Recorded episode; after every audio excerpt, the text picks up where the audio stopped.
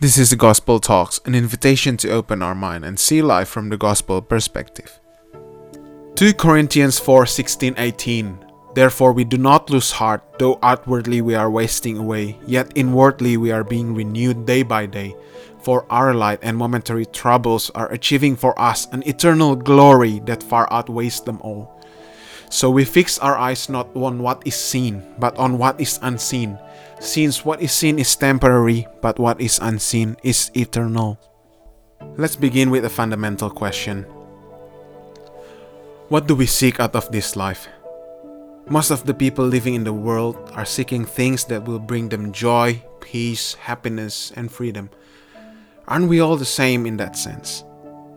No one's ever willing to live a life full of sadness, pain, or sorrow.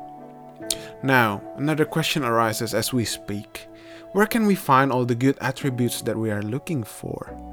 Let's say we're working our best to get everything this life could offer.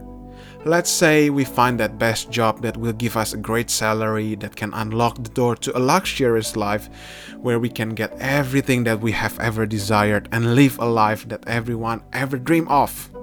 Let's continue further.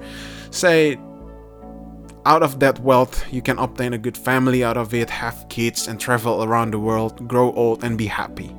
Isn't this what we all ever wanted? Isn't this kind of life is what everybody in the world want? Isn't it? Okay. Now, let me ask you one question.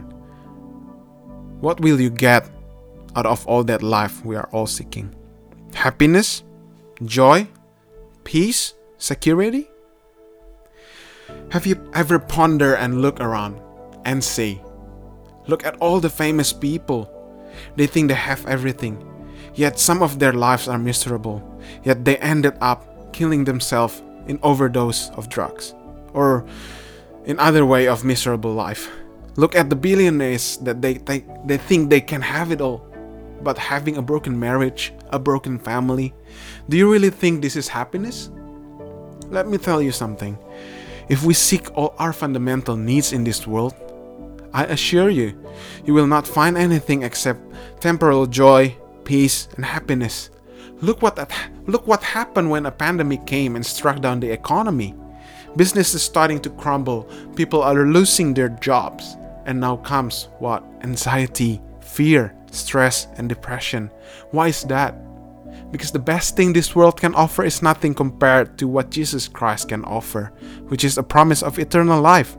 If we put our only only hope in this world, disappointment is only the answer that we will get because we will not find what we seek. Let's see to the ultimate hope of our life. We're living in a fallen world where nothing good can come out of it. There's only one true hope that can bring good out of this life that is believing by faith that Jesus is our God, so that through His cross we can be saved and receive salvation. No one in this world is able to help themselves obtaining salvation, not one. We're all fallen to the nature of sin, and therefore we are condemned, and our rights is death. Remember, it isn't only the death of physical body, but eternal death which means forever. In Jesus, we might not be promised your best life now. We might not get all the luxurious life that we have ever desired, but He will assure you that when you believe in Him, whatever circumstances that you may pass or have to go through or have to experience in this life, He will be with you.